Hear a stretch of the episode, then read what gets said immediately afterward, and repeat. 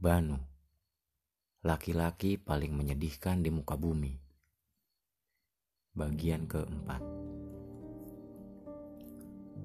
Sepuluh tahun sudah berlalu. Jalan di sudut kota. Delapan tahun sudah Banu membangun rumah tangga bersama wanita paling sederhana di muka bumi. Delapan tahun sudah ia mencoba percaya kalau hatinya bisa mencintai istrinya yang manis dan juga anggun. Tapi seketika semua itu runtuh dan hancur. Ketika Banu kembali bertemu secara tidak sengaja bersama wanita yang paling berpengaruh dalam hidupnya. Bahkan wanita itu juga yang merubah semua cara pandangnya. Di sudut kota Kuningan, di sore hari yang kebetulan saat itu hujan turun tidak begitu deras, dan di antaranya lampu-lampu toko mulai menyala, menandakan dunia akan kembali gelap. Tiba-tiba ada seorang wanita berbaju coklat tua menghampiri Banu, yang kebetulan saat itu sedang berdiam diri di atas motor tuanya. Menanti istrinya yang sedang berbelanja bulanan di supermarket tak jauh dari sana. Kemudian, pelan-pelan sambil meyakinkan hatinya, wanita berbaju coklat tua itu menghampiri Banu. Banu ya? Tanya wanita itu. Seketika pandangan Banu melihat wajah wanita berbaju coklat tua itu. Itu adalah wanita yang sudah hampir 10 tahun tak pernah ia temui. Bahkan, Banu mencoba untuk tak mendengar kabar apa pun dari wanita berbaju coklat tua itu. Hatinya terlalu sakit ketika mendengar kabar apa pun dari wanita berbaju coklat tua itu. Ia tahu, untuk sebagian orang, 8 tahun memang terasa begitu lama. Tapi untuk sebagian orang lainnya, 8 tahun bukanlah waktu yang lama. Hati Banu langsung gemetar, kakinya langsung lemas, seperti melayang. Gravitasi bahkan seakan-akan langsung menghilang. Kamu ngapain di sini? Tanya Banu dengan sangat terbata-bata. Bahkan Siapa pun yang mendengar Banu atau melihat Banu pada saat itu pasti akan tahu kalau mulutnya bergetar. Iya, aku baru pulang dari Bandung. Jawab wanita itu yang sekarang terlihat jauh lebih dewasa, jauh lebih cantik.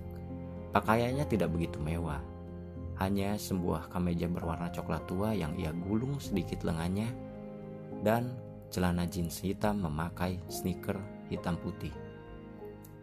Gaya rambutnya tak pernah berubah, masih sama seperti dahulu, dikuncir seperti buntut sapi, dan poninya yang hampir mengenai halisnya yang tak begitu tebal, tidak pula tipis. Entahlah, ia masih sering memakan permen kapas atau tidak. Wanita itu bernama Mita, mantan kekasih Banu sebanyak zaman SMA. Mereka berpacaran kurang lebih tiga tahun. Tapi itulah tiga tahun yang paling berharga untuk Banu. Tiga tahun yang tak pernah bisa ia lupakan sampai sekarang. Bahkan ketika ia sudah punya seorang gadis kecil berumur tiga tahun yang sedang lucu-lucunya bernama Jawa. Jawa adalah hasil pernikahan Banu dengan wanita paling sederhana di muka bumi. Wanita paling pengertian di muka bumi, wanita paling lembut di muka bumi Banu begitu mencintai istrinya. Siapa juga yang tidak bisa jatuh cinta dengan perempuan seperti istrinya? Cantik, senyum dengan lesung pipi yang manis, cemberutnya yang lucu, marahnya yang anggun. Bahkan tangisnya akan membuat semua laki-laki di muka bumi ini akan merasakan kesedihannya. Tapi di hati Banu, Mita seperti punya tempat tersendiri ia tak akan pernah tergantikan oleh wanita seperti apa pun. Bahkan, wanita paling cantik di muka bumi ini pun tak akan bisa menggantikan Mita, termasuk mungkin istrinya. Kamu apa kabar? Tanya Mita yang sekarang berdiri tepat di hadapan Banu. Baik kok. Kamu apa kabar? Baik, Sangat baik. Istri kamu apa kabar? Mita kembali bertanya. Baik kok, dia sehat, sama seperti kamu. Kemudian mereka berdua kembali terdiam satu sama lain. Tak ada suara apa pun di antaranya. Hanya suara kendaraan yang lalu lalang dan juga sesekali terdengar suara pentungan tukang bakso yang kebetulan sedang lewat pada saat itu. Tapi jelas, suara-suara itu tak terdengar oleh Banu dan Mita. Yang mereka dengar hanya suara degup jantung yang kian cepat, bahkan mungkin lebih cepat dari apa pun yang bisa dibilang cepat di planet yang kebetulan diberi nama bumi ini. Kamu sama suami di sini. Banu kembali bertanya, memecahkan keheningan di antara mereka berdua. Suamiku, dia sudah tiada. Kurang lebih empat tahun yang lalu. Dia mengalami, dia mengalami kecelakaan. Aku minta maaf. Demi apa pun aku nggak tahu. Iya, nggak apa-apa. Aku sudah ikhlas. Jawab Mita dengan sangat pelan. Saking pelannya, sampai-sampai suara itu mungkin hanya bisa didengar oleh Banu. Bahkan setan apa pun yang ada di sekelilingnya tak akan bisa mendengar apa yang baru saja diucapkan oleh Mita. Kemudian seorang wanita paling sederhana di muka bumi keluar dari supermarket bersama seorang putri kecilnya yang sedang berusaha memakan es krim sambil berjalan. Memakan es krim sambil berjalan memang butuh perjuangan untuk seorang anak kecil berumur tiga tahun. Mita, kenalin ini istriku dan ini anakku. Namanya Jahwa. Banu mengenalkan istri dan anaknya kepada Mita yang langsung disambut hangat oleh Mita. Tapi meskipun hangat hatinya tetap berdegup kencang. Halo adik kecil, nama kamu Jahwa ya?